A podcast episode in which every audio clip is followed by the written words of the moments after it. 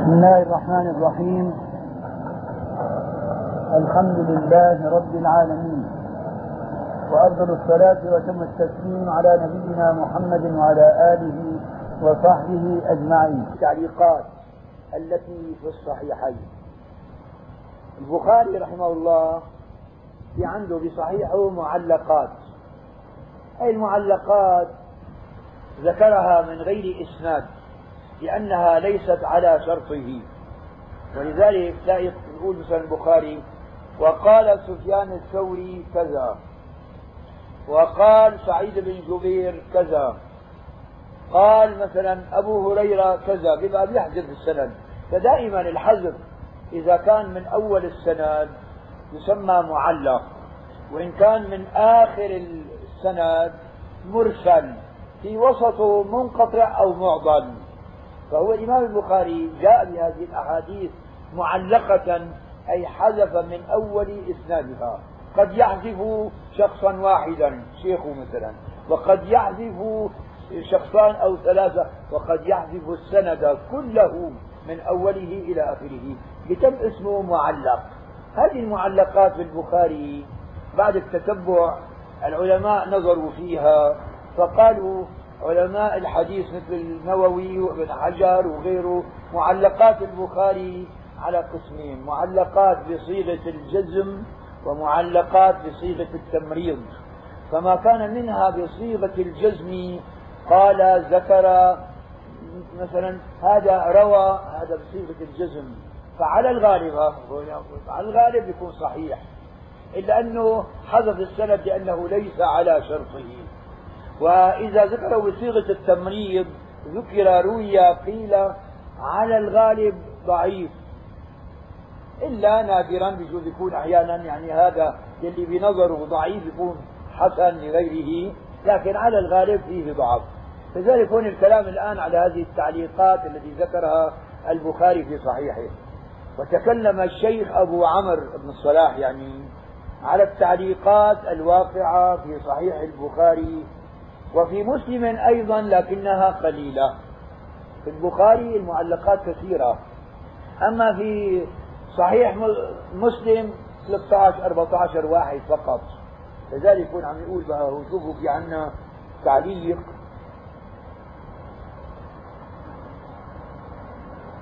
يعني التي في مسلم هي القليلة. القليلة يعني التي في مسلم. بخلاف التي في البخاري. فهي كثيرة.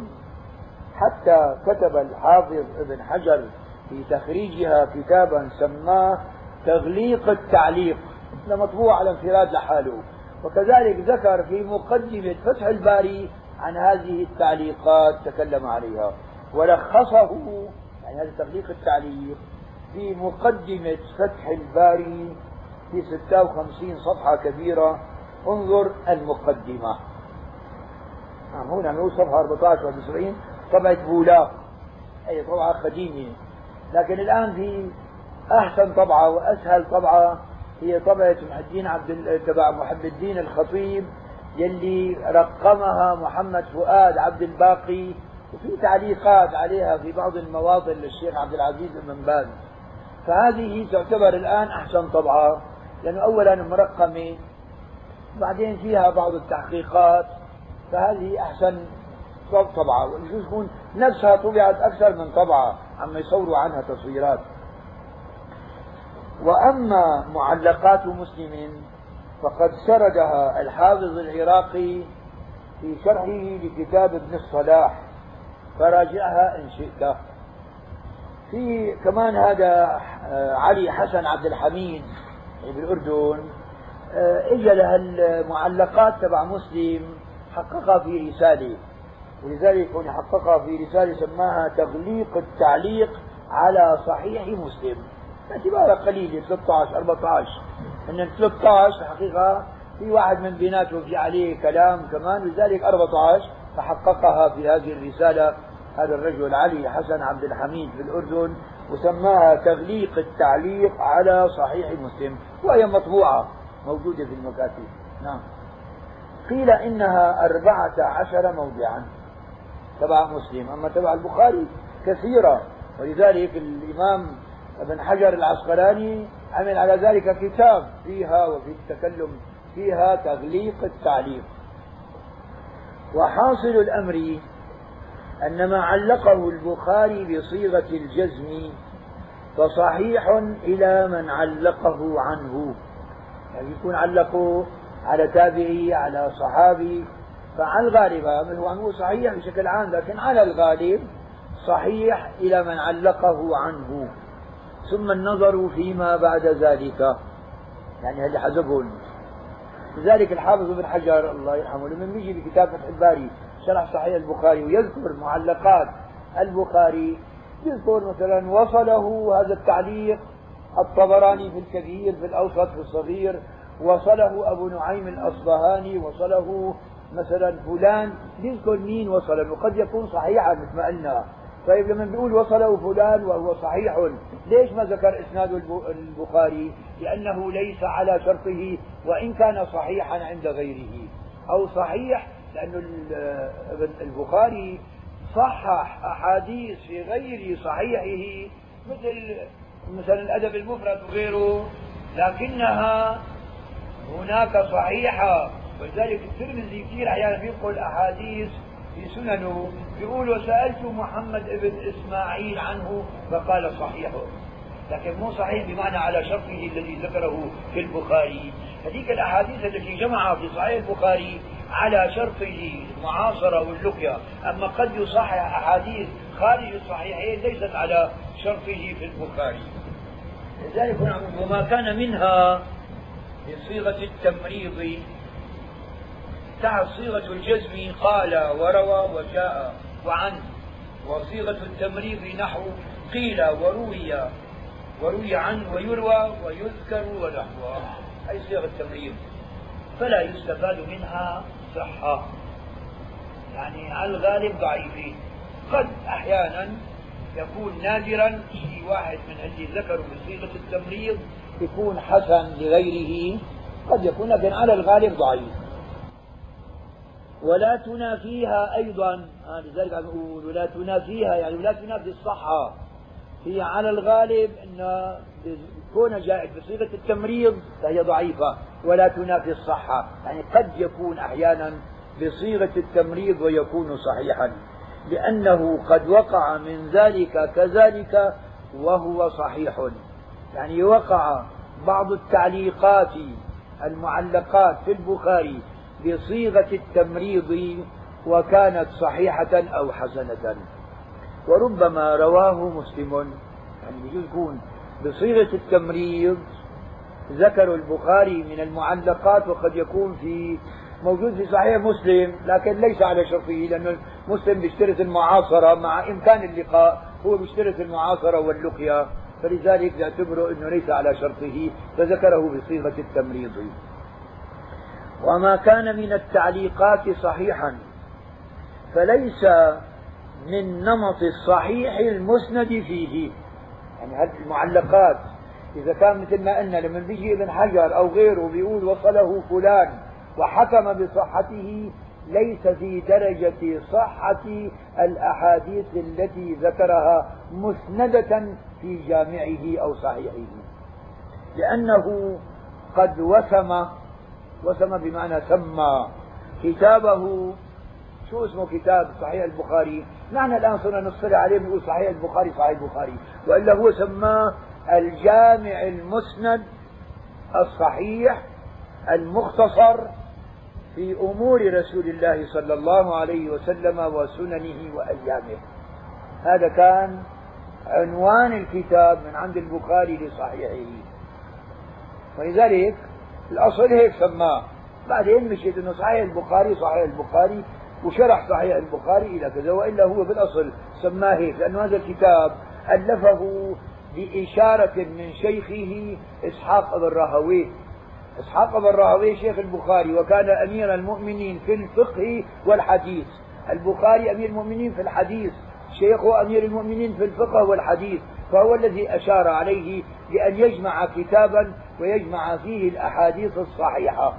فسماه بهذا الاسم الجامع المسند الصحيح المختصر في أمور رسول الله صلى الله عليه وسلم وسننه وأيامه. وهذا عنوانه يدل على أنه مختصر. يعني جمع بعض الأحاديث الصحيحة مو كل الأحاديث الصحيحة. ولذلك عم يستدركوا عليه بقية الكتب في الأحاديث الصحيحة. نعم سيدي. فأما إذا قال البخاري قال لنا أو قال لي فلان كذا أو زادني كذا حطوا كذا بجنبها زادني كذا ونحو ذلك فهو متصل عند الأكثر. يعني بيقول قال لي وقال لنا وزادني فلان كذا. فهذا على الغالب متصل عند الأكثر لكن ليس على شرطه فحذف إسناده.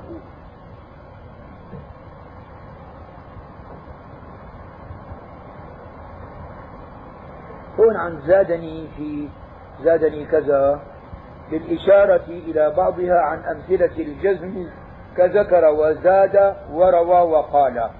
هذا قال السخاوي قال السخاوي في فتح المغيث واستغنى يعني البخاري بالإشارة إلى بعضها عن أمثلة الجزم كذكر وزاد وروى وقال. هاي كمان بصيغة الجزم.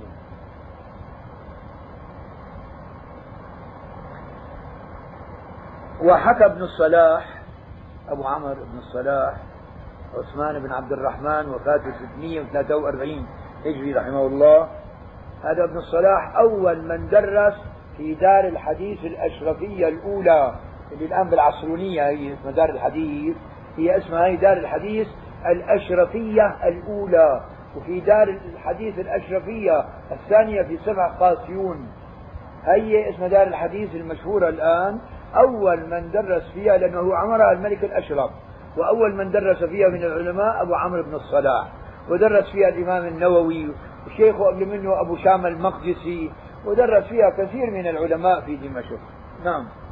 وحكى ابن الصلاح عن بعض المغاربة أنه تعليق أيضا يذكره للاستشهاد لا للاعتماد يعني التعاليق تعليقات اللي ذكرها للاستشهاد لا للاعتماد. يعني بنظره مو معتمدة لأنه ليست على شرطه ولكن يستشهد بها. وقد يكون ويكون قد سمعه في المذاكرة. سمعه من شيخه من شيوخه مذاكرة لا سماعا فلذلك ذكروا بصيغة التعليق أو بصيغة التمريض مشان حتى يستشهد فيه استشهاد. وقد رده ابن الصلاح فإن الحافظ أبا جعفر ابن حمدان قال إذا قال البخاري وقال لي فلان فهو مما سمعه عرضا يعني عرضا للكتاب من الطالب على شيخه هذا العرض. ومناولة الشيخ ناول الكتاب قال له اقرأ عرضا أو مناولة بيقول قال لي فلان. هنيك عم يقول إذا قال قال لي قد يكون إيش؟ ذكره في الم... أخذه سماع سمعه في المذاكرة. في خلاف يعني بالموضوع. وأنكر ابن الصلاح على ابن حزم رده حديث الملاهي. ابن حزم صاحب المحلى شرح المجلى المحلى لابن حزم. ابن حزم علي ابن أحمد اسمه. وفاته 456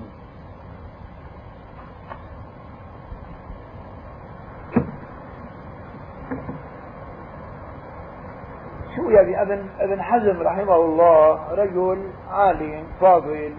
كتابه المحلى يعني من الكتب المعتمدة. لذلك كان العز بن عبد السلام رحمه الله يقول لم تطب لي الفتيا حتى كانت عندي نسخة من المحلى لابن حزم ونسخة من المغني لموفق الدين ابن قدام المقدسي. لكن مع ذلك ابن حزم بالحديث لا يؤخذ عنه لأنه قد يتساهل في الأحاديث. كما أنه ابن قدامة هلا موفق الدين ابن قدامة المقدسي يقال له شيخ الإسلام في الفقه فكتابه مرجع كبير في الفقه الإسلامي. ولكن مع ذلك ليس مرجعا في الحديث. كثير ما يستشهد ابن قدامة في كتاب المغني ببعض الأحاديث الضعيفة. ولذلك الأحاديث لا تؤخذ من كتب الفقه لا من المحلى لابن حزم ولا من المغني لموفق الدين ابن قدامة المقدسي ولا من المجموع للنووي ولا من فتح القدير للكمال بن الهمام الحنفي. وإن كانت هذه مصادر فقهية كبيرة ويرجع إليها عند العلماء وطلاب العلم. مع ذلك دائما الحديث يؤخذ من كتب الحديث. يعني مثلا طالب علم عم يقرأ بالفقه الحنفي الهداية وشرحها للكمال بن الهمام أبو حنيفة الزمان فتح القدير يمر معه أحاديث ذكرها المرغيناني بالهداية. هذه لابد من الرجوع فيها إلى كتب الحديث والنظر فيها صحة وضعفا. أنه قد يضع حديث صاحب الهداية المرغيناني في كتابه بالفقه الحنفي ويكون ضعيفا.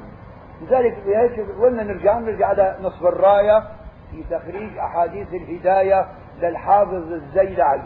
يعني الحافظ الزيلعي خرج أحاديث الهداية كلها الموجودة في فتح القدير شرح الهداية. فممكن هناك يستأنس بالحديث الواحد عند المحدث الحافظ الزيلعي في كتابه نصب الراية في تخريج أحاديث الهداية. كذلك إذا واحد عم يقرأ بالفقه الشافعي سواء كان عم يقرأ بالمجموع النووي أو في غيره من الكتب ومر معه حديث وأراد أن يتأكد من صحة هذا الحديث فينبغي أن يرجع مثلا إلى تلخيص الحبير في تخريج أحاديث الرافع الكبير للحافظ ابن حجر العسقلاني فإنه ذكر هذه الأحاديث وتكلم فيها التي هي في كتب الفقه الشافعي. مثلا بالفقه المالكي المدونة باعتبارها مرجع في الفقه المالكي. إلى حد قريب إلى زمن قريب لم يخدم الفقه المالكي في الحديث كما خدم غيره. الآن خرجت أحاديث المدونة في رجل دكتور الدردير خرج أحاديث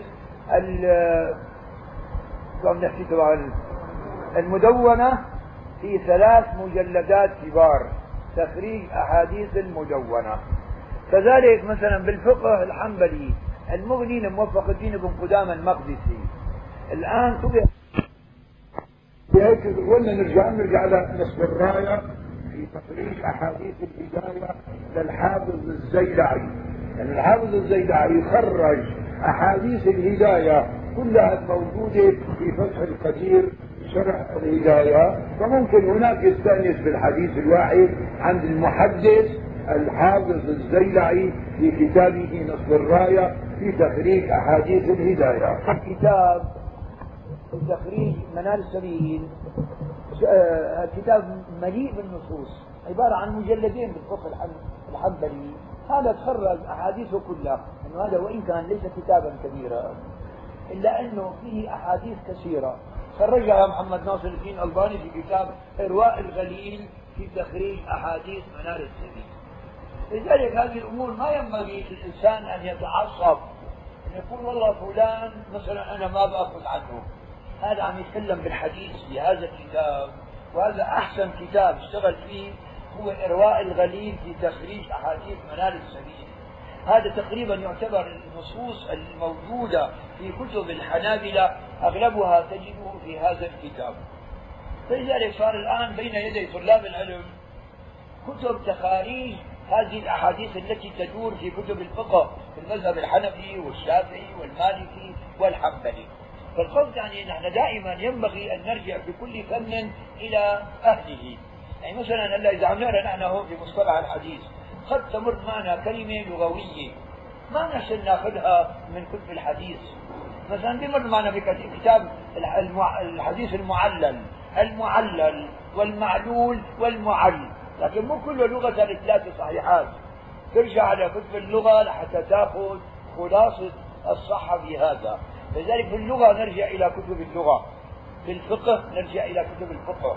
في الحديث نرجع إلى كتب الحديث. في التفسير نرجع إلى كتب التفسير. فنأخذ كل فن عن أهله. طالب العلم هيك بده يكون عنده تأكد وتحقق؟ بده يرجع في كل قضية لأهلها. فلذلك مثلا مثل ما بنحكي المدونة فقه. لكن لما نرجع للحديث ما بنرجع للحديث الموجود في المدونة وإنما بنرجع لتخريج الأحاديث. موفق الدين بن قدام المقدسي رجل عالم بالفقه كان يقال له شيخ الإسلام وأرين له الفقه كما أرين لداود الحديث ومع ذلك يستشهد بالأحاديث الضعيفة. فإذا أردنا أن نتأكد منها نرجع لأرواء الغليل في تخريج أحاديث منار السكين ولذلك لا يتعصب واحد لأحد. تعصب المنقول هذا مما ذمه الإسلام. إنه والله هالكتاب لأنه لفلان ما بقرأه. لا لا بتقراه فلذلك أما بتقول مثلا إنه أنا ما بأخذ الفقه عنه عاد رجع لكتب الفقه. أما الحديث فهو من أهل الحديث. فلذلك الحديث يرجع فيه إلى أهل الحديث والفقه يرجع فيه إلى أهل الفقه واللغة يرجع فيها إلى أهل اللغة. قلما جمع من بعض العلماء بين هذه. يعني مثلا الإمام النووي رحمه الله رجل فقيه ومحدث ولغوي. فممكن يعني يستأنس به ولذلك له كتاب تهذيب الأسماء واللغات في اللغة خاص. الإمام الشافعي كان لغويا كثيرا في اللغة حتى إنه أقوى من أصحاب القواميس. لذلك قالوا إذا كان وجدنا عبارة في اللغة العربية استعملها الإمام الشافعي ولم نجدها في القاموس المحيط ولا في تاج العروس ولا في لسان العرب فهو حجة على لسان العربي وعلى القاموس وشرحه لأنه أقواهم لغة. لذلك هذا أمور فالإمام الشافعي حجة في اللغة حجة في الحديث حجة في الفقه كذلك الإمام النووي. لكن قل من جمع بين هذه الأشياء الثلاث مثلا. لكن نحن دائما كل قضية عم ندرسها إذا وجدنا فيها كلام للمحدثين في عبارات فقهية نرجع فيها إلى كتب الحديث. وجدنا عبارات اصطلاحية في أصول الفقه. نرجع إلى كتب أصول الفقه. فكل فن نرجع فيه إلى فنه حتى نكون على بينة من أمرنا. وين وصلنا إحنا هنا؟ أيوة. وأنكر ابن الصلاح كان شاهدنا كله على أنه على ابن حزم. ابن حزم الأندلسي كان مغرما بالغناء في شبابه وبقي متأثرا بذلك حتى بعد أن طلب العلم ودرس العلم. ولذلك في له فوق الحمامة في الألفة والألاف اللي بيقراه بيفكر مو هذا ابن حزم منوم. فلذلك له بقى كتاب المحلى لذلك قد يأتي أحيانا بعض الأحاديث التي لها علاقة بالغناء فيضعفها ابن حزم. فبيجوا بعض المغرمين بالغناء يكون لكثير من الناس وطلاب العلم ومشايخ بالبلد يقول لك والحزم أن لا تأخذ بقول ابن حزم بالغناء بيأخذوا بقوله كلياتهم لك ليش؟ لأنه عجبنا. ذلك أن القراء مثلا هذول اللي بيقروا بالأصوات هذول على الأنغام هذول بيشترطوا أنه على النغم. بدأ مثلا بنغم لازم بالأخير بينزل فيه. فهذا ليس من القرآن هذا الأنغام هذه نعم الرسول عليه وسلم أمرنا أن نحسن القرآن بأصواتنا زينوا القرآن بأصواتكم لكن دون تحديد بأنغام معينة. أما قال هذول بعض القراء بيجوا يسمع أم كلثوم؟ بياخذ نغم أم كلثوم وبيمشيه على القرآن. بياخذ نغم عبد الوهاب وبيمشيه على القرآن. هذا ما بيجوز لذلك هذا ما ما صحيح. فلذلك هنا ابن حزم أخطأ رحمه الله في تضعيف حديث الملاهي جاي معنا شوفوا بقى. حيث قال فيه البخاري وقال هشام بن عمار. يعني هذا هو عند البخاري معلقا. لكن هذا الحديث حديث صحيح صححه كثير من العلماء منهم ابن الصلاح والنووي وابن كثير وابن تيمية وابن القيم وابن حجر العسقلاني السخاوي ابن الوزير اليماني والصنعاني اليماني كلهم صححوا هذا الحديث. وقد وصله إذا كان جاي هو معلقا ابن حبان والطبراني والبيهقي وابن عساكر في تاريخ دمشق فهو حديث صحيح وإن كان في البخاري معلقا فهو في عند غيره صحيح وهو كمان لما استشهد في معلق باعتبار بنظره ليس على شرطه. لذلك من الباب هذا ضعفه لأنه معلق ابن حزم الأندلسي وتبعه تبعه على ذلك كثير من الناس دون التحقيق والتمحيص في هذا الحديث. وإلا أنه فقط مو ضعف هو ابن حزم لذلك نحن كمان آخذين بقول ابن حزم. لا لا نأخذ بقوله نعم. وقال أقطع ابن حزم من وجوه فإنه ثابت من حديث هشام بن عمار. يعني لا نأخذ بكلام ابن حزم فإنه ثابت من وجوه. يا شو وجوه؟ في عندنا تعريف هلا حديث الملاهي هو حديث عبد الرحمن بن غنم الأشعري عن أبي عامر أو أبي مالك. ما بيهمنا أن يكون قال أبي عامر أو أبي مالك اثنين صحابي. يعني إن كان آه، أبو عامر ولا أبو أبو مالك كلاهما صحابيان الأشعري مرفوعا. ليكونن من أمتي قوم يستحلون الحرة حطوا حاء كسرة للحاء كسرة وللراء فتحة. الحرة المقصود فيه الفرج يعني الزنا. يستحلون الزنا. والحرير الحرير طبعا المقصود فيه الحرير البلدي. تبع دود القزم والحرير الاصطناعي والخمر بجميع أشكالها وأسمائها. لأن مشكلة الخمر كمان تلاعب الناس في نصوص الخمر فمنهم من يقول مثلا الآن أنه البيرة حلال. ليش؟ قال ليست من العنب. في ناس قالوا أنه الخمر المحرمة التي كانت من العنب. فقط ولذلك عمر بن الخطاب رضي الله عنه قال كما جاء في صحيح البخاري عن عمر الخمر ما خامر العقل من أي شيء كان من العنب من القمح من الشعير من التمر من الزبيب من الخوخ من البطيخ كله متى ما صار تخمر وقذف بالزبد وأصبح خمرا فهو خمر وإن تغيرت أسماؤها. ولذلك من علامات قيام الساعة تسمية الخمر بغير اسمها. الرسول قال ليكونن أناس من أمتي أو ليشربن ناس من أمتي الخمر يسمونها بغير اسمها. هذا وقع في زماننا هلا. تلاقي كونياك بيرة شمبانيا ويسكي. أسماء جديدة لكن إذا ليست خمرا لذلك ما في داعي كيفما كان اسمها. يعني تغيير الأسماء لا يبيح المحرمات. يعني كونه هلا سمينا نحن الفن. هلا الآن بسموا المغني الراقص فنان. فهل يكون عمله حلالا مثل الفن؟ لا. بتم اسمه راقص واسمه مغني. فلذلك كذلك مثلا الآن إذا سمينا نحن هلأ البول نجس إذا سمينا البول ماء هل نشربه؟ لا. بسم بول بول. والماء ماء. فلذلك تغيير الأسماء لا قيمة له. ولكن هذا من جملة الأساليب التي دخلت على المسلمين المحرمات فيه بتغيير أسمائها. لذلك كان قديما هلا الربا بالأصل شو دخل؟ هو بالأصل الربا معروف بالقرآن وبالسنة كذا اتقوا الله وذروا ما بقي من الربا. دخل باسم الفائدة. سموها ربا الأوروبيين. دخلوها علينا باسم فائدة. فلذلك دخل باسم فائدة إنه مو حرام. الربا غير الفائدة. هي الفائدة هي الربا نفسها. نعم. إذا والحرى المعازف آلات اللهو كلها اسمها معازف. طبعا في بعض منها مثلا مثل بأيام العيد وبالعرس يباح فيه الدف.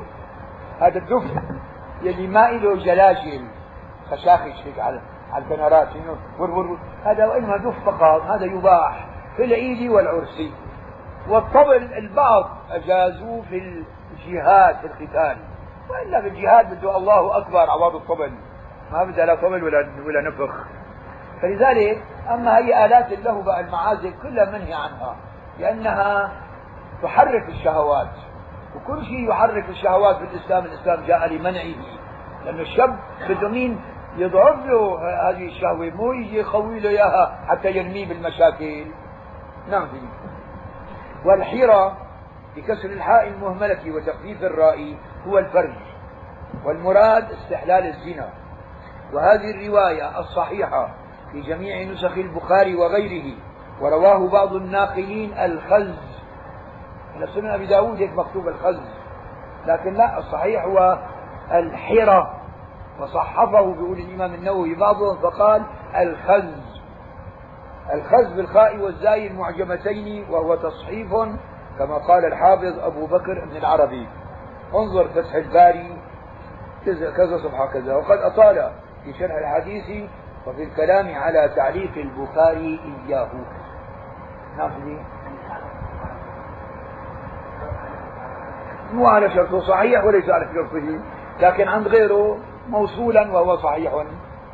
لذلك يعني اللي بده يرجع في كتاب الموضوع هذا الحقيقة شو هو؟ لأنه في شاب بالأردن شهر نفسه من جديد الآن اسمه حسان عبد المنان. هذا الشاب هذا اجى أول شيء بدأ برياض الصالحين وضعف فيه 131 حديث ولم يضعفها من كان قبله بحجة أنه استعمل القواعد اصطلاح المحدثين وضعفه بها.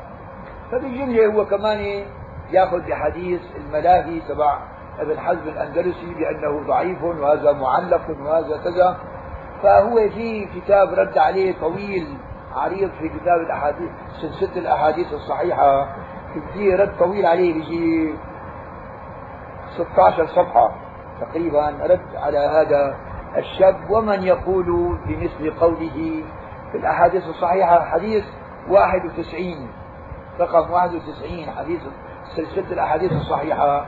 بعدين الآن له تتمة من جديد غير الكلام على الحديث هذا 91 في عليه كلام جيد مين صححوا له الحديث. لكن في رد على هذا ب 16 صفحة أو أكثر من 16 صفحة بآخر الكتاب المجلد الأول استدراك.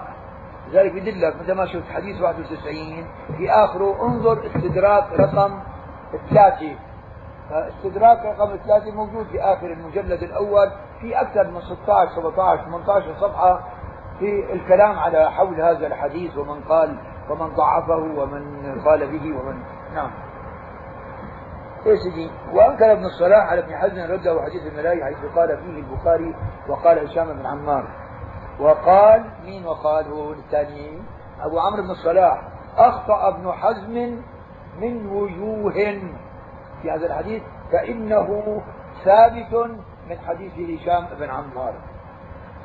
قلت هلا ابن كثير رحمه الله وقد رواه أحمد في مسنده وأبو داود في سننه. لأنه أنا رجعت أحمد في مسنده المحمود على الشيخ. خمسة 342 بالمسند لكن مو مو نفس اللفظ هذا. اللي بمسند أحمد ليشربن ناس من أمتي الخمر يسمونها بغير اسمها.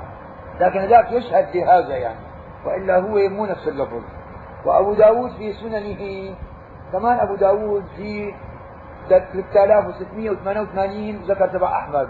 أما حديثنا اللي هون بالكتاب أبو داود 4039 ترجع له 4039 حديث هشام بن عمار الذي ذكره البخاري نفسه. موجود في سنن أبي داود موصولا برقم 4039 نعم. 4039 أبو داود.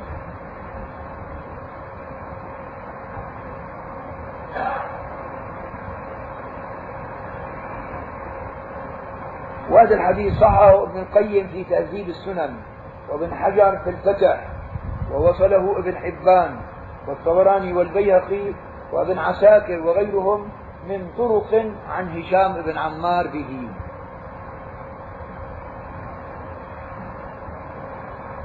نعم.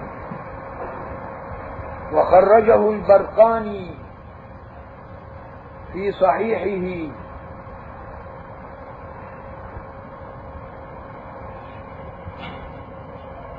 وغير واحد مسندا متصلا.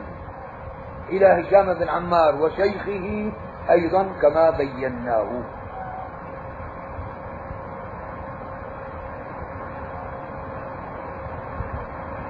نعم.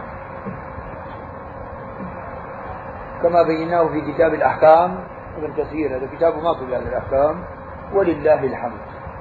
ثم حكى أن الأمة تلقت هذين الكتابين بالقبول. البخاري ومسلم يعني.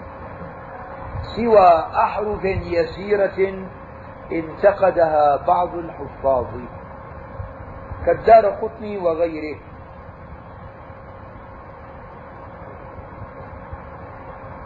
ما منا إلا من رد ورد عليه. الدار قطني انتقد البخاري. كذلك ابن حجر انتقد الدار قطني في هذه الانتقادات التي انتقدها على البخاري. بكم بقى؟ يعني بيجوز بالبخاري وإن كان البخاري ليس معصوما فقد يوجد فيه بعض الخطأ القليل. وإن كان ليكون تحت أحمد شاكر أو ابن الصلاح رأي أنه كل ما في البخاري صحيح من أوله إلى آخره. شو بقول؟ لأنه في بعض أحاديث في البخاري قد تكون فيها كلام في صحيح البخاري لكن خارج البخاري لها ما يؤيدها فتكون صحيحة لغيرها. مثل حديث الأولياء من عادى لي وليا فقد آذنته بالحرب. هذا في صحيح البخاري إسناده فيه ضعف لكن خارج البخاري له روايات تقويه فهو حديث صحيح لغيره. يعني مو بنفس رواية البخاري في الروايات التي خارج البخاري. هذا يعني طبعا كبشر لكن شوف يقول أحمد شاكر تحت؟ الحق الذي لا مرية فيه عند أهل العلم بالحديث من المحققين وممن اهتدى بهديهم وتبعهم على بصيرة من الأمر أن أحاديث الصحيحين صحيحة كلها. قد يكون يعني هلا في من جملة أحاديث البخاري في حديث في الإسراء والمعراج. يقول بصحيح البخاري ثم دنا الجبار رب العزة فتدلى. عن ثم ثم دنا فتدلى. فهي إذا نظرنا نفس القرآن والنجم إذا هوى ما ضل صاحبكم يعني النبي صلى الله عليه وسلم وما غوى وما ينطق عن الهوى. النبي صلى الله عليه وسلم إن هو إلا وحي يوحى علمه شديد القوى ذو مرة فاستوى وهو بالأفق الأعلى. ثم دنا فتدلى. يعني جبريل من رسول الله مو الله عز وجل. الضمائر بين النبي وجبريل. فلذلك هذا الحديث في البخاري بيقول ثم دنا الجبار رب العزة فتدلى. هذا الحديث قال وإن كان في صحيح البخاري فهو حديث مضطرب اضطرب فيه شريف فقدم وأخر وزاد ونقص. ولذلك اعتبروا أنه هذا حديث مضطرب. يعني مثل أنه وإن كان البعض يقول أنه كل ما في البخاري صحيح 100% إلا أنه إلا أشياء يسيرة ولذلك ليش انتقد الدار قطني؟ ثم بجزء انتقادات الدار قطني كانت زيادة عن الحد فانتقده أيضا ابن حجر العسقلاني. ليس في واحد منها مطعن أو ضعف. هذا على كلام أحمد شافعي.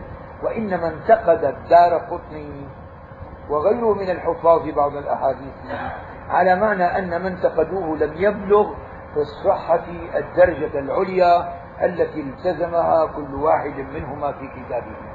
هيك رأيهم إنه مو بدرجة الأحاديث التي التزماها وإن كانت صحيحة يعني. ولكن لا عند البعض لا في عليها بعض الكلام. فلا يهولنك إرجاف المرجفين. في ناس عم يجوا مشان يطعنوا بالبخاري ومسلم. مرة واحد طالع من السودان باسم مستعار باسم ضابط إنه موجود 360 370 حديث في صحيح البخاري ضعيفة وموضوعة. مشان إيش؟ مشان يزيلوا هيبة البخاري. فإذا زالت هيبة البخاري اللي هو يعتبر أصح كتاب في الحديث معناها بعدين كل الأحاديث يصير الناس يستهينوا فيها. هلا مثل اللي اجى هذا اللي عم نحكي عليه. اجى بده يزيل هيبة رياض الصالحين. رياض الصالحين كتاب لا يكاد يخلو منه بيت من بيوتات المسلمين. لما النبي يقول إنه والله هذا النووي في 131 حديث ضعيف فيه. طيب شو بدنا ليه هاتوا لنا كتاب غيره. والا هو اللي فيه 25 30 حديث في بعض الكلام عليها. أما 131 وراح آمن وحذفهم وحط الصحيح لحاله والضعيف لحاله. وهذا من الخطأ دائما في تقسيم الكتب. من أي شخص كان؟ خطأ إن الواحد يجيب الكتاب يقسمه قسمين يقول صحيح كذا وضعيف كذا وإنما أن يذكر الكتاب كله. ويتكلم على الضعيف هذا بيكون بنظره. قد يأتي غيره فيخالفه في التعليق فيعلق تعليقا آخر عليه. أما بيتم الكتاب من أوله إلى آخره. يصير بعض المتعصبين لما تيجي بتقول له مثلا هذا صحيح الترمذي وضعيف الترمذي يأخذ ضعيف الترمذي بكبه. هذا الترمذي وبس. قد يكون في ضعيف الترمذي أحاديث عند غير من قسمه حسنة فتضاف إلى الحديث الصحيح. ولذلك دائما الأولى في كتب الحديث أن يبقى الحديث كما هو أن يبقى الكتاب كما هو كاملا وأن نعلق على الحديث الضعيف. فإذا جاء من يخالف هذا التعليق علق تعليقا آخر عليه ويبقى الكتاب كما هو. وأما بصير بعدين مثل ان بعض المتعصبين بصير بكبوا الضعيف كله بيقول لك هذا الصحيح وحده. هذا صحيح اعتباريا بالنسبة لهالشخص قد يكون عند غيره في شيء من المخالفات. فلذلك هون كمان عم نحكي على قضية إيش؟ فلا يهولنك إرجاف المرجفين. يعني بيقولوا إنه البخاري كله شو دخلنا بالبخاري؟ في واحد هيك مرة يعني كان حكى قدام الناس قال من هذا البخاري؟ واحد كان يركب حماره ويمشي فيها. شو؟ مشان حتى يهول إنه مو شيء يعني لا بخاري ولا مسلم. وزعم الزاعمين أن في الصحيحين أحاديث غير صحيحة. قد يوجد ولكنها قليلة جدا. نحن مو من عنا يتكلموا فيها. لذلك العلماء من قبلنا نتكلم فيها. وتتبع الأحاديث التي تكلموا فيها. وتتبع أنت يعني أيها الطالب. وتتبع الأحاديث التي تكلموا فيها. وانقدها على القواعد الدقيقة التي سار عليها أئمة أهل العلم واحكم عن بينة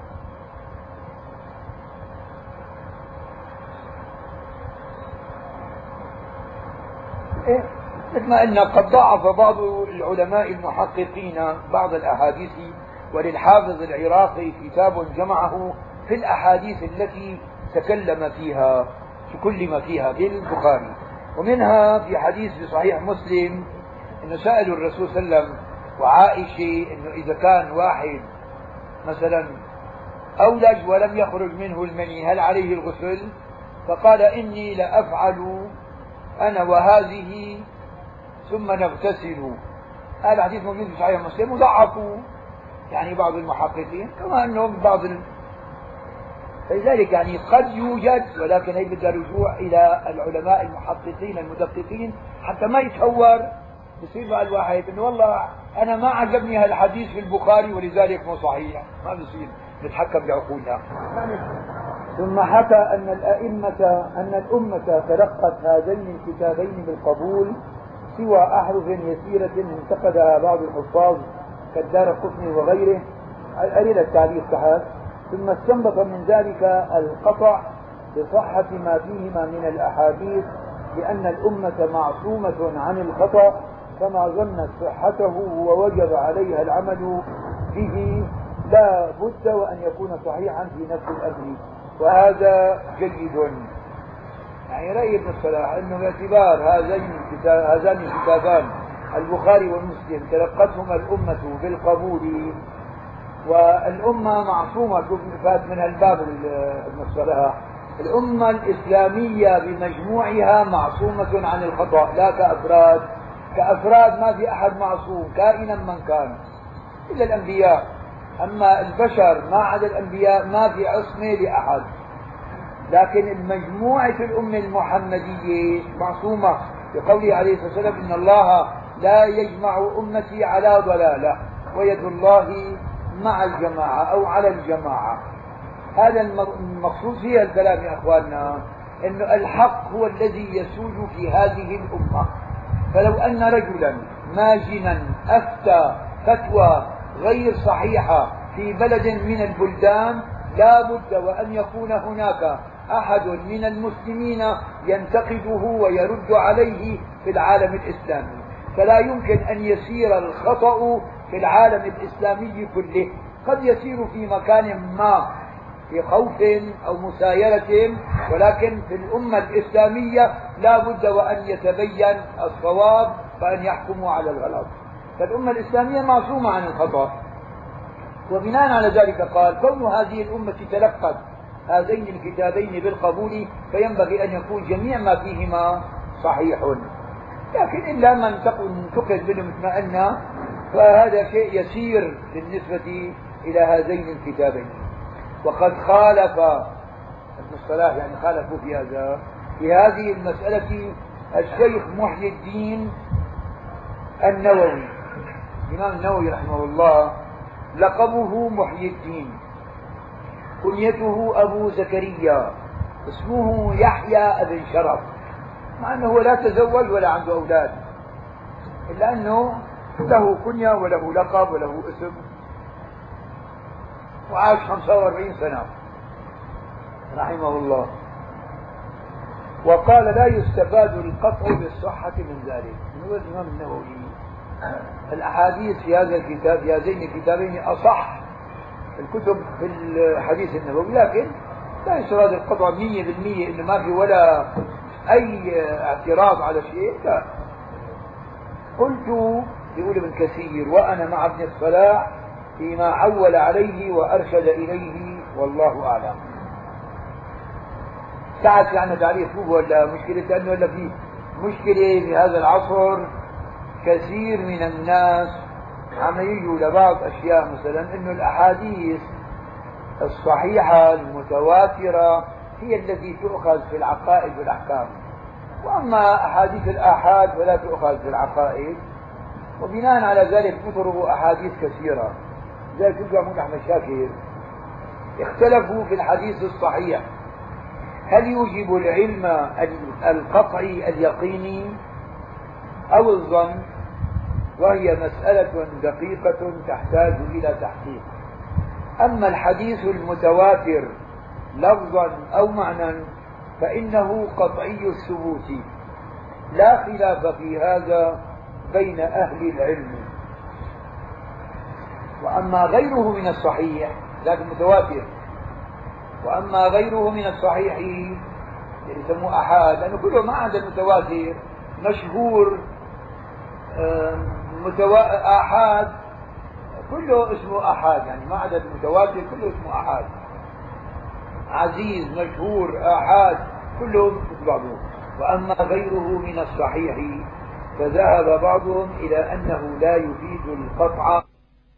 هو ظني الثبوت وهو الذي رجحه النووي في التقريب قيل الإمام النووي رحمه الله أن يسير الخطأ في العالم الإسلامي كله قد يسير في مكان ما لخوف أو مسايرة ولكن في الأمة الإسلامية لا بد وأن يتبين الصواب وأن يحكموا على الغلط.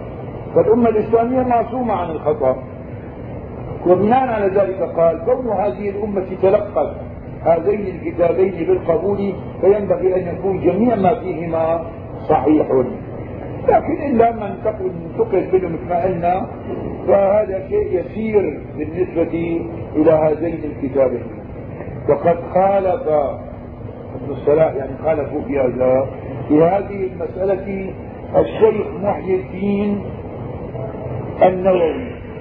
الإمام النووي رحمه الله لقبه محي الدين كنيته أبو زكريا. اسمه يحيى بن شرف. مع أنه لا تزوج ولا عنده أولاد. إلا أنه له كنية وله لقب وله اسم وعاش 45 سنة. بسم الله الرحمن الرحيم. الحمد لله رب العالمين.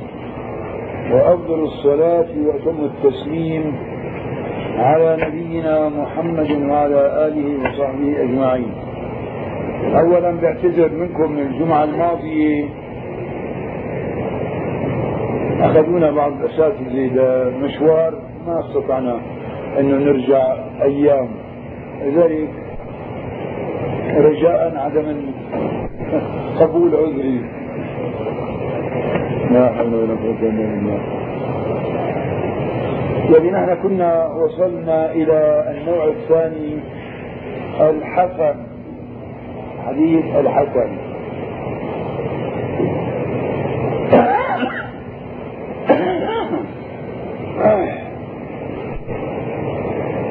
في الصف الرابع هون عندنا كنا ندرس شرح البيقونية فالإمام البيقوني يقول عن الحديث الحسن والحسن المعروف طرقا وغدت رجاله ذات الصحيح اشتهرت. هذا الكلام يدل على انه الصحيح والحسن الشروط نفسها موجودة. مثلا هلأ عندنا نحن الحديث الصحيح ما اتصل إسناده بنقل العدل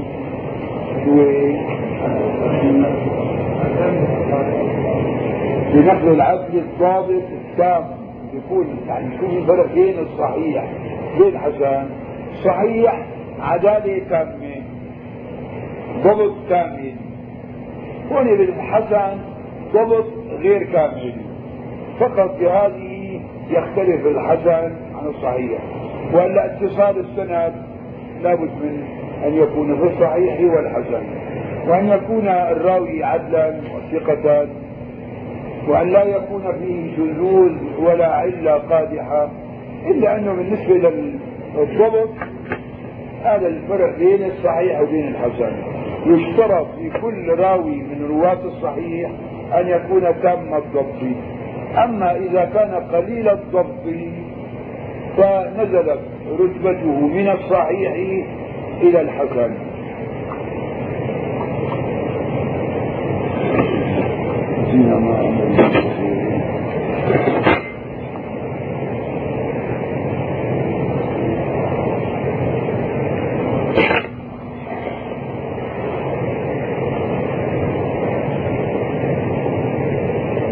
إذا شروط الحسن هي شروط الصحيح اتصال السند ثبوت العدالة ثبوت الضبط. السلامة من الشذوذ والعلة القادحة. فالفرق بين الصحيح والحسن وأن الصحيح يشترط فيه الضبط التام وأما الحسن فيشترط فيه أصل الضبط. لا يشترط يكون الضبط تام لكن أصل الضبط موجود. فهون هلا نرجع للكلام اللي عم يقوله هون في كتابنا. وهو في الاحتجاج به كالصحيح عند الجمهور. عند جمهور الفقهاء وجمهور المحدثين كما يحتج بالحديث الصحيح كذلك يحتج بالحديث الحسن. وإن كان دونه رتبة لأنه حتى الصحيح مراتب حتى الحسن مراتب. لكن كونه هذا الحديث أصبح حسنا طبعا في عندنا الحسن قسمين حسن لذاته حسن لغيره. فهو الحسن لذاته هذا اللي نقص فيه الضبط التام. فسميناه حسن لذاته أي لنفسه دون أن يتقوى بغيره. أما الحسن لغيره هذا بده يكون بقى بالأصل فيه ضعف ولكن جاء هناك من طرق أخرى آه طرق وشواهد تقوى بها. فلذلك عم نقول وهذا النوع يعني الحسن لما كان وسطا بين الصحيح والضعيف. الضعيف الذي ليس فيه شروط الصحيح ولا الحسن. ضعيف فإذا الحسن وسط بين الصحيح وبين الضعيف. في نظر الناظر طبعا إذا نظر إليه ونظر في سنده وكانت هناك العدالة التامة والضبط التام فهو إسناد صحيح. إذا قل ضبطه فهو إسناد حسن. إذا زاد على ذلك يعتبر ضعيفا.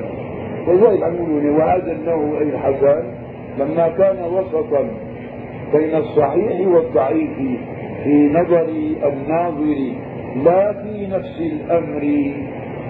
يعني نظر طالب العلم بنظر العالم.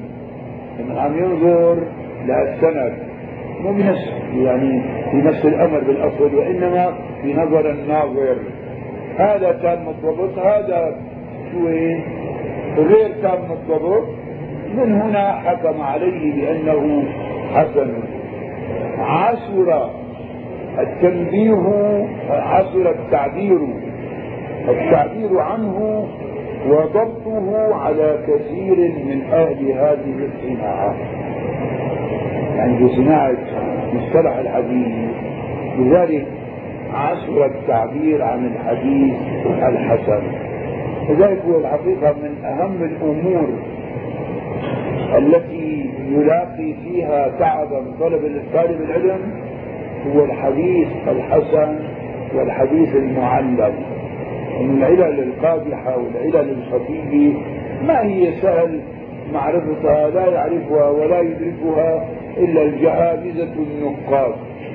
كذلك الحديث الحسن لا يمكن أن يعبر عنه طالب العلم والعالم إلا بعد البحث الدقيق في طرقه وشواهده حتى يستطيع أن يحكم أن هذا حديث حسن لذاته أو حسن لغيره. وذلك لأنه أمر نسبي. شيء ينقدح عند الحاضر. ليس أحيانا في خلاف بين العلماء. مثلا العالم الفلاني يقول إسناده حسن.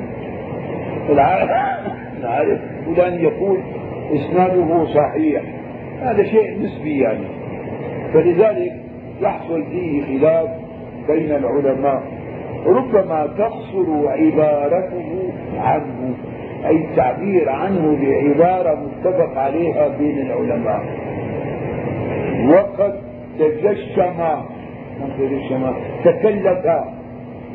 وقد تجشم كثير منهم حده وقد تكلف كثير من العلماء وطلاب العلم حده وتعريفه بالحسن فقال الخطابي هذا هو بقى رح ننتقل لاقوال العلماء في الحديث الحسن؟ الخطابي عرفه بهذا الشكل. هو الحديث الحسن ما عرف مخرجه واشتهر رجاله.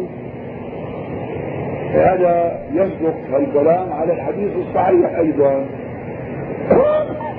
عرف مخرجه واشتهر رجاله. لذلك ما هو كافي؟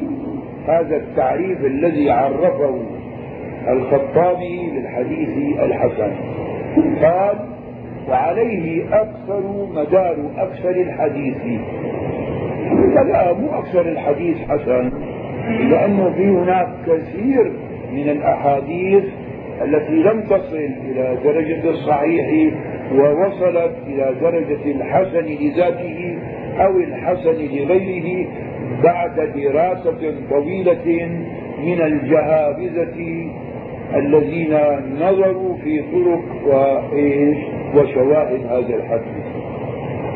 وهو الذي يقبله أكثر العلماء. بما أننا جمهور جمهور العلماء من الفقهاء والمحدثين يقبلون الحديث الحسن ويحتجون به. إلا النادر القليل. ويستعمله عامة الفقهاء.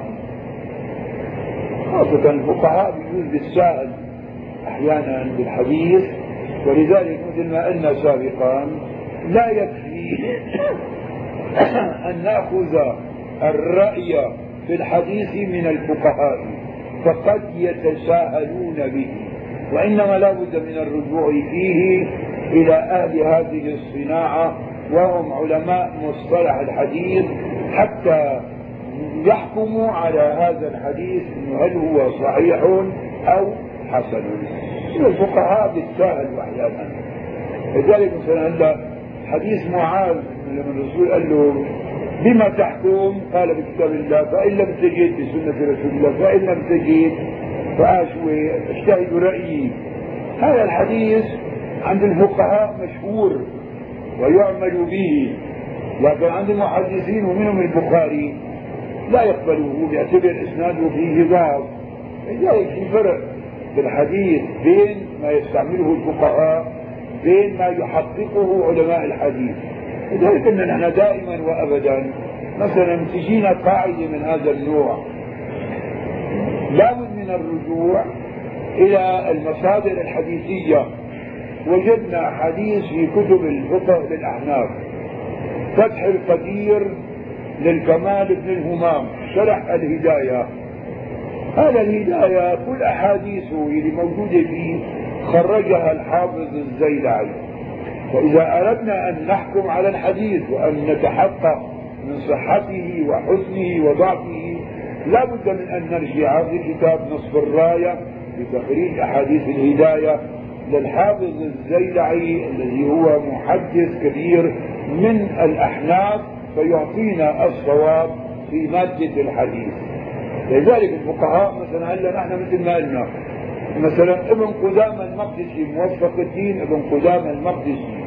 كان يقولون عنه أولين له الفقه كما أولين لداود الحديث. وكتابه المغني من خيرة الكتب الفقهية التي يرجع إليها طالب العلم. وهذا الكتاب وهذا الكتاب يبحث عن الحكم الفقهي في المذاهب الأربعة. يعني ما هو فقط يعطي رأي الحنابلة؟ قال الحنابلة كذا ولذلك يقول لنا كذا يعني دليلنا كذا. وقال الأحناف كذا وقال الشافعية كذا قال المالكية كذا. فلما نستشهد ابن قدامة المقدسي وإن كان رجلا فقيها كبيرا. لكن بالحديث لا يكفي أن نرجع إليه وإنما نرجع إلى الحافظ الزيلعي في نصف الراية في تخريج حديث الهداية لأنه أقوى في هذه المادة. والموفق الدين بن قدامة المقدسي أقوى في مادة الفقه. استنباط الأحكام الشرعية من الأدلة من القرآن والسنة هو أقوى من الزيلعي.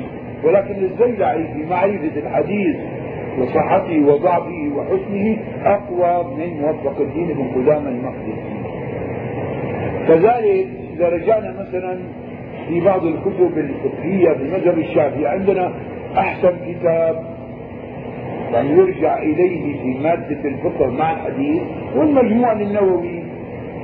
مع ذلك قد يستشهد ببعض الأحاديث التي فيها ضعف الإمام النووي.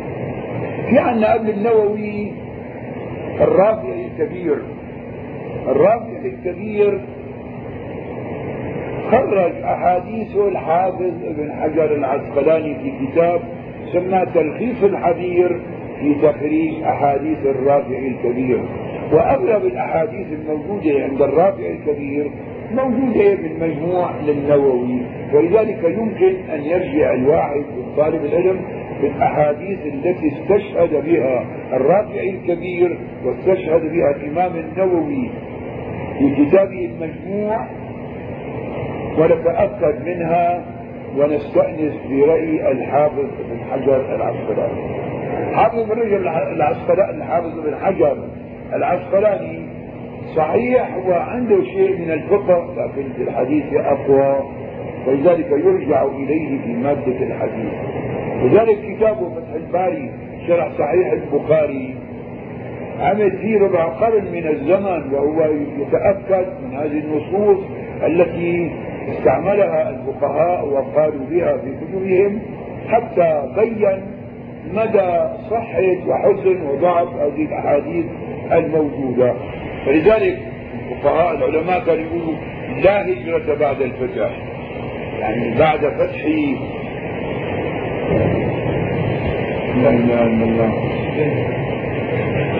فتح الباري صحيح البخاري الحافظ بن حجر العسقلاني. يعني بعده ما في كتاب في فيما يتعلق بالحديث قد يكون مثلا العيني العيني في عمدة القاري في شرح صحيح البخاري قد يكون مركب أكثر زي بيذكر تراجم الرجال استنباط الأحكام الفقهية الحكم على الحديث. لكن بالنسبة للحكم على الحديث فابن حجر العسقلاني أقوى منه. وإن كان هذا حنفي برد عليه أحيانا في كتاب عمدة القاري وكذلك ابن حجر يرد على العين في عمدة القاري. هذا إذا طلاب العلم سلفا وخلفا ما منا إلا من رد ورد عليه إلا صاحب القبر عليه الصلاة والسلام الذي قال الله فيه وما ينطق عن الهوى إن هو إلا وحي يوحى. كذلك عندنا المدونة الإمام مالك المدونة في الفقه المالكي مرجع جيد. لكن وفيه أحاديث يستشهد بها في المذهب المالكي لكن لا بد من النظر فيها. فجاء الرجل الدكتور محمد الدردير فخرج أحاديث المدونة في ثلاث مجلدات كذلك يستأنس به في تخريج أحاديث المدونة. عندنا بالفقه الحنبلي هو خير كتاب يسموه المغني لموفق الدين من قدام المقدسي لكن في كتاب أصغر منه حجما ولكنه مليء بالنصوص الحديثية. فهذا خرج أيضا في كتاب إرواء الغريب في تخريج أحاديث منار السبيل. مع أنه منار السبيل عبارة عن مجلدين الفقه الحنبلي لكنه مليء بالنصوص ومؤلفه رجل متأخر إبراهيم الضويان متأخر لكن كونه جمع كثير من النصوص في هذا الكتاب وخرجت أحاديث هذا الكتاب معنى ذلك أنه طالب العلم يستطيع أن يستأنس بالأحاديث التي يراها المبني لموفق الدين ابن قدامة المقدسي لأنه أكثرها وارد في كتاب المبني آه، في كتاب منال السبيل الذي هو يعتبر مختصرا لكتاب المبني لموفق الدين ابن قدامة المقدسي إذا نحن الآن كطلاب علم نريد أن نستأنس بالأحكام الفقهية مع أدلتها من القرآن والسنة فعندنا هذه المراجع القيمة الكبيرة العظيمة في معرفة الحديث وقوته وصحته وحسنه وضعفه. وطالب العلم ما يجوز له أن يتعصب. يعني مثلا في ناس يقولوا يا أخي نحن نأخذ الحديث من موفق الدين من قدامى المقدسي. شو بدنا بإرواء الغليل تخريج أحاديث منار السبيل لرجل متأخر خرج هذه الأحاديث؟ كم ترك الأول للآخر؟ هذا شيء أنه متقدم ومتأخر هذا لا عبرة به. الرسول عليه الصلاة والسلام قال الحديث الذي رواه الترمذي وهو حديث صحيح بطرقه وشواهده مثل أمتي مثل المطر لا يدرى أوله خير أم آخره. المطر قد يكون خير فيه في أول الموسم؟ وقد يكون الخير فيه في آخر الموسم.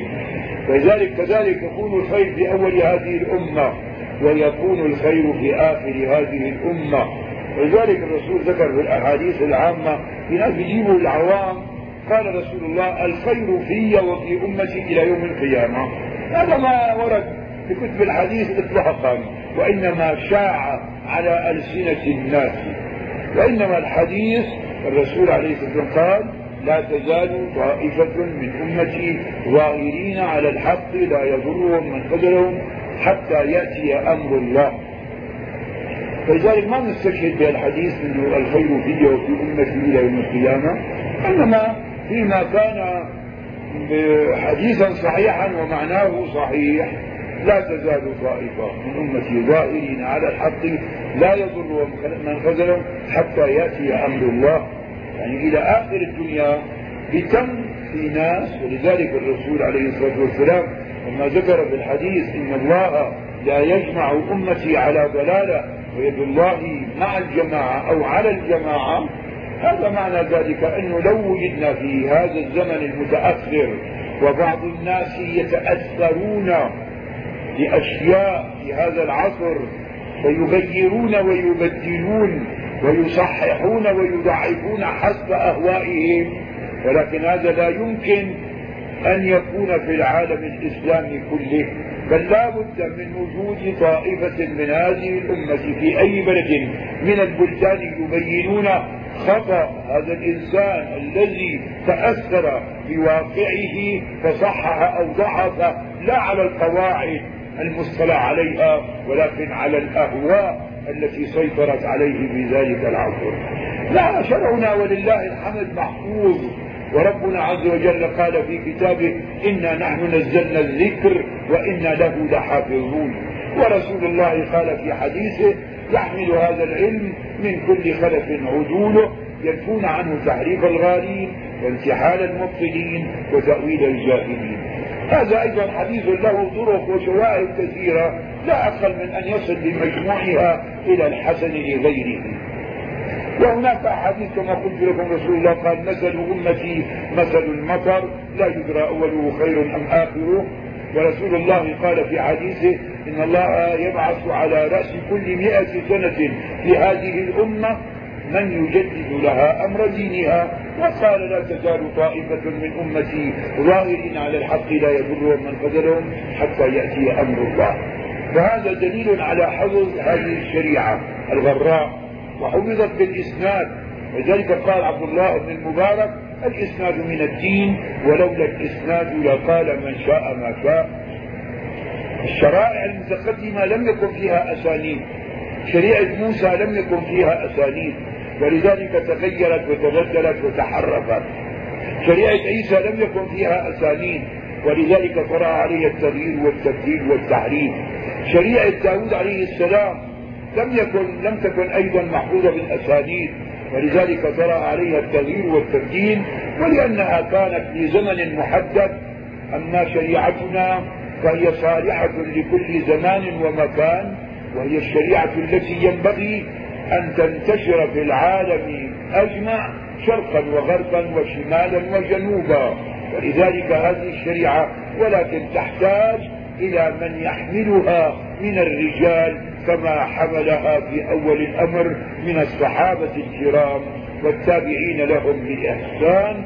فإذا حملها أناس في هذا الوقت فلا شك أنها ستسود في العالم كله لأن جميع الأفكار التي كانت بين الناس سواء كانت شيوعية أو رأسمالية برجوازية كلها فشلت في هذا العالم وفشلت في وقت قصير من الزمن من أول العالم إلى آخره بفترة قصيرة من الزمن اضمحلت وتلاشت وزابت وذهبت. أما إسلامنا فلا يذهب وهو محفوظ بحفظ الله ومحفوظ بشريعة رسول الله ولذلك قال رسول الله يحمل هذا العلم من كل خلف عدوله ينفون عنه تحريف الغالين وانتحال المبطلين وتأويل الجاهلين. وقال رسول الله في الحديث الصحيح ليبلغن هذا الأمر ما بلغ الليل والنهار ولا يترك الله بيت مدر ولا وبر إلا أدخله هذا الدين بعز عزيز أو بذل ذليل عزا يعز به الإسلام. وذلا يذل به الكفر. والله تعالى قال في كتابه العزيز عن رسوله هو الذي أرسل رسوله بالهدى ودين الحق ليظهره على الدين كله ولو كره المشركون. ولكن ينبغي على حملة هذه الرسالة وحملة هذا الدين وحملة القرآن والسنة وأقوال الصحابة والتابعين أن يحملوها كما حملها الأولون. فالصحابة رضي الله عنهم عاشوا ثلاثة عشر قرنا ثلاثة, ثلاثة عشر عاما في مكة المكرمة وهم يدعون إلى توحيد الله عز وجل بالحكمة والموعظة الحسنة. ولما انتشروا إلى المدينة هاجروا إلى المدينة المنورة وأصبح لهم دولة وقوة عند ذلك بدأوا بنشر الإسلام بالجهاد في سبيل الله. فنحن الآن لا نستطيع سوى أن ندعو إلى الإسلام باللسان وبالحكمة والموعظة الحسنة. فلا شك أن السامعين جميعا إذا سمعوا هذا الإسلام وأدلته من القرآن والسنة سواء أكان في البلاد العربية أو البلاد الأوروبية فإنهم يقتنعون لأنه جاء بنصوص مقنعة عقلا ونقلا. فالإسلام هو الذي ينبغي أن يسود في العالم ولكن على المسلمين أن يحملوا الإسلام حملا صحيحا وأن يبثوه بين الناس بالحكمة والموعظة الحسنة. عند ذلك تتلاشى جميع الأفكار السيئة ويذهب الإلحاد والعلمانية ويبقى الإسلام بقرآنه وسنته وينتشر على رؤوس الأشهاد في كل مكان إن شاء الله. فكونوا حملة لهذه الرسالة بالحكمة والموعظة الحسنة والحجة والبرهان والقوة والبيان والرجوع إلى القرآن والسنة وأن لا يختلف الناس فيما بينهم بأمور شكلية كما هو الخلاف الآن في بين المسلمين. فجل الخلافات بين المسلمين الآن هي في أمور شكلية وفي أمور ليست من الأركان الإسلامية. وليست من الفرائض والواجبات وإنما هي عبارة عن أشياء كلها مستحبات والخلاف فيها قائم وكل يريد أن يفسق الآخر إذا لم يحرك إصبعه يفسقه إذا لم يدع لم يضع يديه على صدره يفسقه إذا لم ينزل للسجود توا على يديه قبل ركبتيه يفسقه. وهذه أمور ليست من أركان الإسلام ولا واجبات الإسلام ولا من فروض الإسلام وإنما هي من الهيئات. وهذه الهيئات مستحبات والخلاف فيها قديم وليس الآن من جديد. ولذلك من اقتنع بهذه الأمور فعليه أن يعمل بقناعته ويحاول إذا أراد أن يقنع غيره بالحكمة والموعظة الحسنة. وإذا لم يستجب له فهو أخوك المسلم الذي يعمل بالقرآن والسنة وإنما الخلاف في بيان هذه الأشياء كيفية العمل بها. ولذلك لا تختلفوا فتختلف قلوبكم. وعليكم معشر الشباب أن تكونوا دعاة خير ودعاة حلم وكرم وأخلاق وجود وكرم وإلا لا ينتشر الإسلام بالفظاظة ولا بالغلاظة والله عز وجل قال لسيد الأولين والآخرين فبما رحمة من الله لنت لهم ولو كنت فظا غليظ القلب لانفضوا من حولك فاعف عنهم واستغفر لهم. وشاورهم في الأمر فاذا عزمت فتوكل على الله إن الله يحب المتوكلين. هذه امور كان يختلف فيها الصحابة الكبار. عبد الله بن مسعود اختلف مع كبار الصحابة في وضع اليدين عند الركوع هل هي بين الركبتين أو على الركبتين؟ فكان هو مقتنعا بأن يضعها بين الركبتين وإن كان ذلك كان في أول الإسلام ونسخ بحديث في صحيح مسلم ولكنه لم يقتنع فبقي على الرأي القديم إلى أن مات ولم يكن بينه وبين الصحابة خلاف في مثل هذا الأمر الذي إذا اختلفنا فيه في هذا العصر ربما لا يصلي أحدنا خلف الآخر إذا خالفه في مثل هذه القضية. يعني إذا نثير هذا البحث وإنما هذه فاصلة يعني بين بيان الحديث الصحيح من الحسن أنه هكذا ينبغي علينا أن نرجع إلى الحديث الصحيح إلى القرآن إلى السنة وأما في الخلاف في تفسيرها فهذا خلاف قديم وليس جديدا. ومن اقتنع بأمر فعليه أن لا يحارب غيره بهذا الأمر وأن يبين له بالدليل والعقل والنقل. فإن رجع كان بها وإلا فهو أيضا عنده ربما أدلة يتمسك بها ولا ولم يقتنع بدليلك الذي عرضته عليه. كنا عم نحكي إنه يستعمله عامة الفقهاء. فالفقهاء رحمهم الله قد يستدلون في كتب الفقه بالأحاديث الضعيفة. لكن إذا رجع طالب العلم في أي كتاب من هذه الكتب الفقهية خاصة هذه الكتب الفقهية الرئيسة التي هي المغني لمنفق الدين من قدام المقدسي فتح القدير.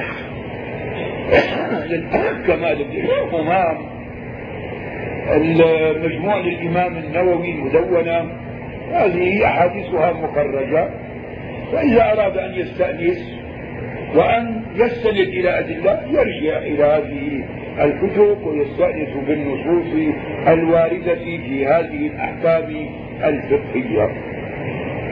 قلت هذا عم نحكي ابن كثير لنقول دائما قال بن الصلاح قلت هو ابن كثير أنا الله. فإن كان المعرف هو قوله ما عرف مخرجه والشعر رجاله. فالحديث الصحيح كذلك. إذا تعبير الخطابي في تعريف الحديث الحسن ليس كاملا. لأن هذا ينطبق على الحديث الصحيح وعلى الحديث الحسن. ما عرف مخرجه واشتهر رجاله. فالحديث الصحيح عرف مخرجه واشتهر رجاله والحسن عرف إذا مخرجه واشتهر رجاله. بل والضعيف وإن كان حديث إسناده ضعيف لكن معروف الرجال عرف رجاله واشتهر عرف مخرجه موجود بالترمذي بأبي داوود وكذلك هو اشتهر رجاله في كتب الحديث يعني إذا جينا حديث ضعيف عند أبي داوود عند الترمذي عند النسائي ابن ماجه لو بدنا نرجع مثلا؟ نرجع للتقريب للحافظ ابن حجر العسقلاني. فهذا بيبين لك إنه صحيح وأن كان مشهور هذا من رجال الكتب الستة لكن في حوله كلام فلذلك ممكن ترجع إلى هذا الكتاب وتستأنس به. أحيانا يا إخواننا طالب العلم الجديد هيك يساوي يرجع مثلا في هؤلاء الرجال إلى تقريب التهذيب سؤال عن الحافظ بن حجر. أحيانا يتشكك يا ترى. هذا هو الإنسان لأنه تبقى أسماء كذلك متشابهه الاسم والأب مثل بعضهم البعض ساعتها بده يرجع للكتب الأكبر يرجع لتهذيب التهذيب للحافظ ابن حجر العسقلاني. قد لا يجد أيضا في تهذيب التهذيب لأنه هذا الحافظ ابن حجر اختصر في هذا الكتاب تهذيب الكمال بأسماء الرجال. فإذا رجعنا إلى تهذيب الكمال بأسماء الرجال للحافظ المزي فإنه استقصى لكل راوي الشيوخ والتلاميذ. عند ذلك يتبين لك أن هذا الرجل الموجود في الإسناد شيخه موجود قبله تلميذه تلميذه قبله شيخه ما بعده فممكن أن يصل إلى معرفة هذا الإسناد والحكم عليه. فمن عرف الشخص وحدده ترجع للتقريب يأخذ رأي الحافظ بن حجر العسقلاني لأنه هو من المعتدلين في هذا. يعني أما طالب العلم متمكن يجوز في أشياء خاصة لما بيجي مثلا حافظ بن حجر في كتاب التقريب بيقول مقبول مستور هذا لابد من الرجوع فيه والتحقق. جعل ميزان الاعتدال في نقد الرجال للحافظ الذهبي. إن لم تجد ذلك فارجع إلى لسان الميزان للحافظ ابن حجر العسقلاني. كذلك إذا لم ارجع إلى رجال الجرح والتعديل لابن أبي حاتم أو مثلا ابن عدي الكامل في الضعفاء لابن عدي. تمثيل سعد يعرف إنه رجل موجود لكنه ضعيف الإسناد. هذا حقيقة يعني موضوع الرجوع إلى الإسناد والحكم على الحديث والنظر في تراجم هؤلاء الرجال يحتاج إلى بحث وتحقيق وتدقيق.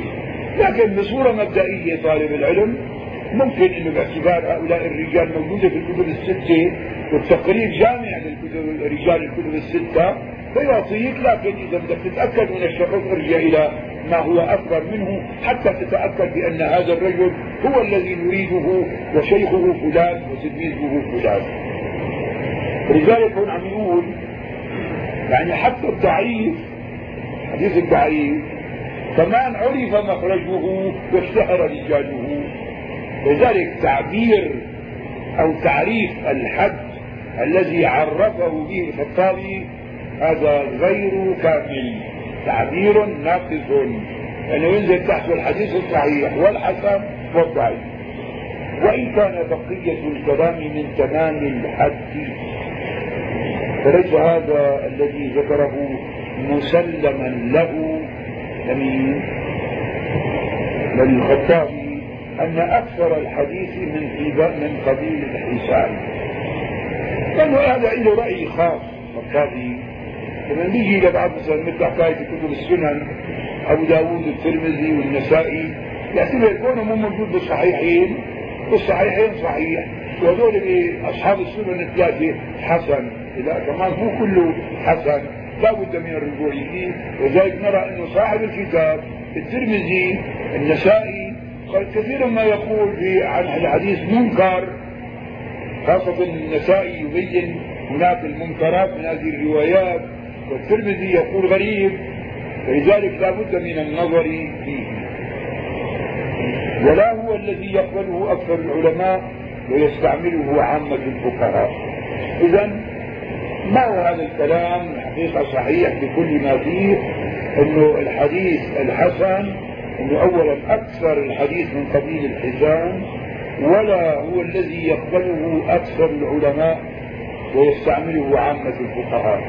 بل كثير من هذه الأحاديث الضعيفة لم يستعملها الفقهاء وذكروا ضعفها أو إذا رجعنا إلى كتب الحديث عرفنا ضعفها. هذا كله لسه في تعريف الحديث الحسن.